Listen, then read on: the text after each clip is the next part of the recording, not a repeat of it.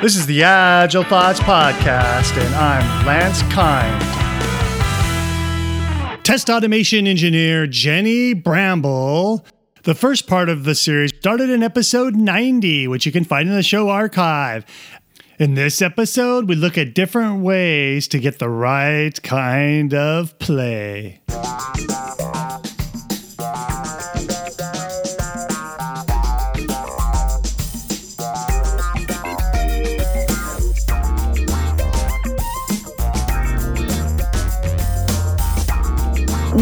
Jenny Bramble. I'm a soft, senior software test engineer at WillowTree.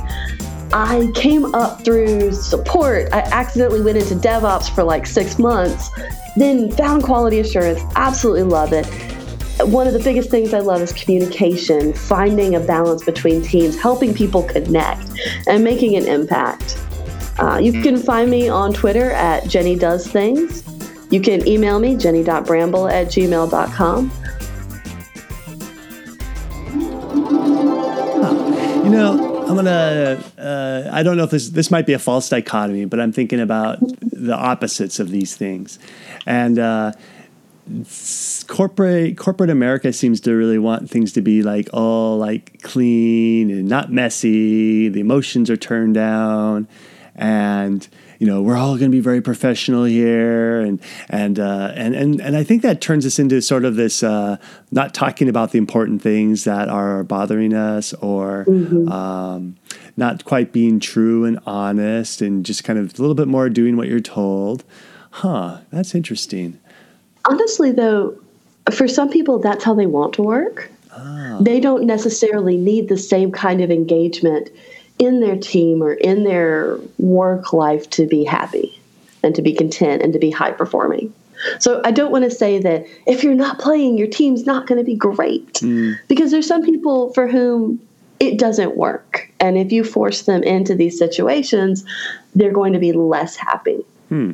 So there's a little bit of, of a balance there. Yeah, I, I, you know, and and here's the funny thing about this is if I think about the teams I've been on, there are people who, if I when I meet a team, because I meet lots of teams, I work with lots of teams. There are teams. If I, just looking on the surface level, level, I think, oh, this team is never going to be playful. This team's all about serious this and serious that. But once you get to know them and uh, they get to know you, it- it's really difficult to know up front whether people are playful or not. Do you have a tip for that? I think everyone is playful. Uh, we just express it in different ways. I have a developer here that I just I love him to death, but he's so serious. He's so somber. But if you ask him about the things that kind of check his boxes, uh, if you ask him about the deeper parts of iOS platform, he will brighten up. He will come to life. This is not a person that's going to come and paint my mosaic with me. But I can engage with him in other ways, in ways that are playful for him. And I- I think that's really important to remember. Just because someone isn't doing your silly three claps at the end of stand up, or they're not coming and having coffee or doing the painting, doing the little bead work, that doesn't mean they're not playful and it doesn't mean that they're not engaged. Hmm. It just means that they engage a little differently. And I would I would caution very strongly against expecting everybody to play the same. Okay. So if you have a team of like say five individuals, you'll have different mm-hmm. levels of engagement from them about beadwork, for example. Absolutely. Uh, when we were doing the mosaic, uh, that that was one of my absolute favorite projects. I've actually done it with a couple of teams because I loved it so much. We had, I think we had 12 little squares. We had a bunch of people working on it. We had a couple people that said, Oh, I don't want to paint, but I'll watch. Uh, we had one person say, I can't stay because I need to pick my daughter up from school. But he made the effort to say, you know, this looks cool. This looks great. I'm glad y'all are having fun. It's not for me. and I feel like that was a really good example for everybody else to say, we're not going to force you to have fun. right, right. we're going to say, this activity is here. If you want to enjoy it, please come do it. Yeah. And like the the guy that was like, I have to go pick my daughter up. He comes to team lunch. He loves team lunch. Cool. Uh, there's a particular restaurant that's his favorite. So every time they're like, "Hey, where do we want to go for lunch?" He's like, "Oh, the burger place," because and it's become kind of a joke within the team that oh, he's always going to say the burger place. he's always going to say not the salad place, Yeah. and that is a form of play as well. It's a form of team bonding. Huh. All right. Let me. Th- so, um, how did you discover this? Hmm, how did I discover that? Like, what what happened that all of a sudden you realized, you know what? The reason why this team works this way is because you know playfulness. Was there like a moment in time you thought where that came together? I can't think of a moment in time where it came together.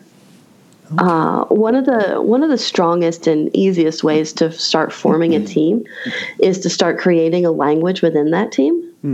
And one of the things that I'm huge into is language and communication and how we do this. So, uh, it- when I say creating a language, I don't mean like, okay, we all speak Spanish now. Yeah. I mean, there are words and phrases that you use when it, within a team that mean something to that group of people. Hmm. They may mean something else to an entirely different group of people, or they may mean nothing. Hmm. An example of this is I had a team that was not doing great. They were just not doing great. Hmm. And I started working in these dumb little in jokes that I would pick up. Um, one in particular is we were joking that developers eat ants. Okay. You know, like the if it was a family reunion, uh, you guys would be the ones like eating ants on the ground, and I'm the test engineer, and I'm the older cousin trying to be like, "Don't eat the ants." and it was just this really adorable little story moment. And occasionally I'd have to push a ticket back and I would go over to a developer and be like, You're eating ants again. so it was one of those phrases that I could say to them and it had a meaning Uh, that if I said this to you or to another manager or someone else, I'd be like, Oh, the developers are eating ants. It's fine. They'd be like, that's not okay. Where did they get ants? so by starting to create this language and create this kind of this the situation in which we knew something that other people didn't, it really started to make the team bond a little bit better. yeah. And I I think I've done that at every single job I've been at because the language that you use within your team helps create that team. It helps bond them and pull them together. Yeah, I think you're a uh, how do I say this? You're you have high high emotional IQ, and you're able to use that to, to incite playfulness with people, um, and and you pay attention, you observe things, and then you you you kind of somehow come up with a, a strategy or plan on the spot to, oh, that person likes this. Let's let's let's see what see what we can do to you know warm people up, if you will. Um, what, what did you do before you were a test engineer? So before before I was a software test engineer, I worked in tech support Okay. for a Linux giant that may or may not have a hat on the logo. Ah, So and one of the things you find whenever you're working with tech support, especially when you're working with enterprise clients and people that are in a very, very much a business situation, is that you need to empathize very quickly with these people and you need to build a layer of trust that you don't necessarily need for uh, other types of jobs. Like if you're calling in to ask about a doctor's appointment, that's different than, hey, so my Linux admin is on vacation. I'm a Windows guy. And our systems are down. oh no. True story. It was Oh, not a good it. day for anyone involved. Oh, But that requires a different level of trust and it requires a different level of figuring out what your end users need. And I think that's where I started developing a lot of this is how do I empathize with this person very quickly? How do I get them to trust me? Um, especially as as a woman, uh, I would occasionally get people that would call in and be like, "Oh, this must be the receptionist because her voice is significantly higher than I would expect." Uh, And I'm like, "No, no, I'm the team lead, y'all." uh, so it was an extra layer of needing to kind of prove that I was capable and that I could handle these people's problems and that I understood what they were going through and had uh, could create a connection to them, if that makes sense. Yeah. No, I think that's So uh, everyone should work tech support. yeah. Well, I think there's something to that. Uh, because I think you're you're you're how do I say this? So you're transcending the phone call. So that somebody calls you up and you know they're, they're probably stressed because I don't think happy people are calling tech support, and uh, um, and they're uh, to tra- so what do I mean by transcending the the phone call? So if you if you just take the phone call as uh, as a matter of fact, you know you don't have to be uh, how do I say it? You could be like um, um, Friday on on on what, what's what's that police show? Uh, the guy who's Friday, he always comes at it straight Oh, all yeah, the time. yeah, Uh, you know, and and but you won't. It's very difficult to connect because you're just talking about the problem. And uh, maybe if, if you're like Friday and you're just so awesome on the facts and you can help them quickly, great. But the problem is, if somebody's stressed, they probably want some support, right? Emotional support. Let's call it that. Uh, Yeah. And so if you connect with them in a different way, they're going to trust you. You're, you're going to they're going to feel that you're uh, how do we say uh, as part of the problem as they are. So you kind of helping them by you're taking ownership of the problem as well. Like, hey, we're going to do this. We're going to do this together, and that's going to like relax them. And the thing is, people just can't do good problem solving under stress if they're not relaxed. If they're like all That's tied up in an emotional turmoil and they're not comfortable. If you're like the guy, if you're like Friday, it's it's very uh, challenging because everything Friday says has got to be spot on because that's the only uh, uh, connection you have is that this this person has the information. But if you also have the I'm going to support you, uh, uh, connect with you, I'm going to be your friend in this moment. Uh, we're going to do this together. That's like another level of of of trust building, and yeah, I, I think that's you're probably a master at at at building that so quickly. Yeah, my psychologist says I need to use my powers for good, not evil. Yes. yeah, it's it's one of those things where uh, it's it's different than saying, okay, here's X, Y, and Z that you need to do to make sure that your computer does a thing. Good luck, and I'm going to stay on the line with you. We're going to do this together. I believe in you. Right. Right. Yeah. No. I, and and and sometimes when I, you know, unfortunately have to call a tech support. Sometimes you totally connect with, and it doesn't have to be tech support. It could be anything like my credit card isn't working, whatever. If you get the helpful person who really feels like that they're trying to help you rather than just go through a policy and script of, well, this is what we can do, but sorry, we can't do that because you didn't do this and blah blah blah. It's just a whole different relationship. And I I think that comes over into your agile teams a lot too. Not to you know totally bring it back, uh, because we can sit there and say, okay, this is what I did yesterday. This is what I did today. These are my blockers. I'm out. Or we can sit there and hmm. say, here's what I did yesterday. Here's what I did today. Here are my blockers. Okay, let's clap. One, two, three, clap. and that keeps your engagement throughout the entire stand up because you're not done. Yeah. There's still some other teamwork aspect that you need to be handling at the end of it, which I like. I like it a lot. Nice. Uh, now, I think you maybe already covered this, but I'll just ask in case there's other ideas. Uh, so, can building teams through play go wrong with the wrong personalities? Oh, absolutely. Um, and a lot of this is about reading the room. So if you're on a team that is incredibly resistant to doing like those little perler bead things or incredibly resistant to painting Christmas ornaments for the tree at work, then you're going to create a situation in which everybody is set up to fail. Hmm. If you say, okay, this is what we're going to do, we're, we're going to do it regardless, hmm. and no one's into it, what it's going to tell them is you don't understand your team hmm. And you don't care about what your team wants. You only care about what you want. Uh, That's nice. at least how it can feel. Yeah, no, I think it's. So- it's go ahead. Yeah. I recommend having a couple of different styles of things.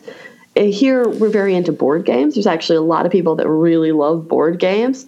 So maybe getting together and rolling a bunch of D&D characters would be super fun. like what would your D&D character look like? Maybe we're not going to play a campaign. Right, right. But we're going to go through the exercise and heck, maybe we'll start one. Who knows? Uh, that's awesome. Um, uh, like I wouldn't get with my team right now and play poker. Mm. I don't think they would enjoy that at all, and I wouldn't enjoy that. Um, but it's a team that's got a little bit more creativity going on. So yeah, you know, maybe I would get them to do some painting, tie dye a T-shirt, um, watch another movie. We actually watched Alien and then Aliens. Mm. And we're oh. like, oh no, it's the same mistakes. Right, right. so yeah, it can absolutely go wrong it's going to go wrong from the start though if you pick an activity yeah right if you pick an activity that no one's invested in or that you can't really pull off well yeah. that's where it's going to start kind of going sideways for you I, su- I, suppose it's just one of those strategies where you start small and build up uh, trust and then get to know people better and then you can get more yeah. uh, adventurous later uh, as you know the team better Absolutely. That's why I say start with something silly to end your meetings. Uh, like we did a clap on on one team. We did a clap to end stand up, and then a reverse clap to end retro. A reverse um, clap. What's a reverse? and a reverse clap? clap was just holding Knuckles? your hands together uh, and then moving them apart really quickly. Oh my goodness, that's crazy. it was so ridiculous. and we all laughed a bunch and we're like, good retro, y'all. Good retro. Uh, nice. nice. Wow. Uh, how do you get your ideas? The internet. Yeah. Okay. Um, actually, this is I don't want to tell you all my secrets, but I'm totally going to tell you all my secrets. if you look up activities for preschoolers. Oh, nice. Yeah. like preschoolers and grade level children, because that's where we ah. were doing this. That's where we were having these connections and originally getting them going. Get out You'll find here. things like, oh, here's how you make like a little dinosaur treasure egg hunt for kids. And you're like, wow, that sounds ridiculous. We're going to do that. Um, and you'll find activities, you'll find coloring book pages, all of these things. They're generally easy to explain, easy to set up, mm. inexpensive, mm-hmm. and just silly enough as, you know, a 30 some odd year old woman telling you that we're going to sit down and hunt for dinosaur eggs. it's, it's a lot of fun. wow, that's awesome. Thank you for that. Yeah. You're welcome. I also like to play games with people. Uh, like some of the agile games are really fun, like putting the pizzas together or doing a human pipeline and seeing where the testing issues are. Mm. So there's a lot of games like that that actually teach you something about your job that you can use for wolf time. Wow. Okay. Beautiful.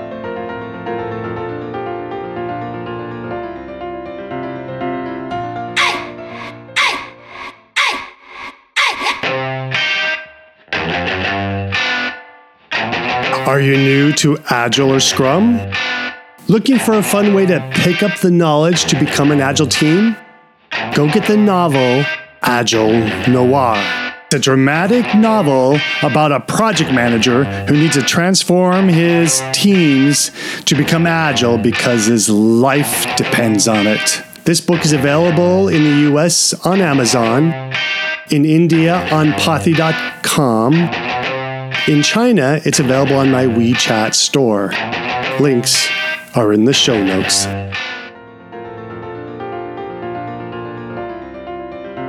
I would absolutely love to see everybody at TriAgile on April 1st in my hometown of Raleigh, North Carolina.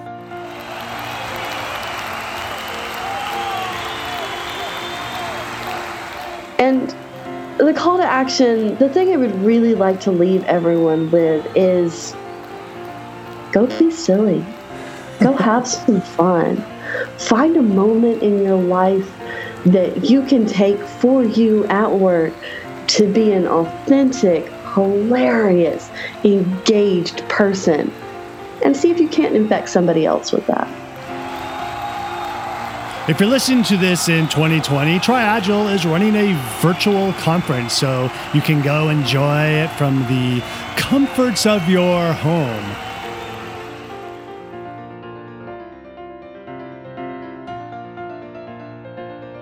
This is the last episode of the Jenny Bramble series. The first episode started in episode 90, which you can find in the archive by searching for Lancer Agile Thoughts Archive.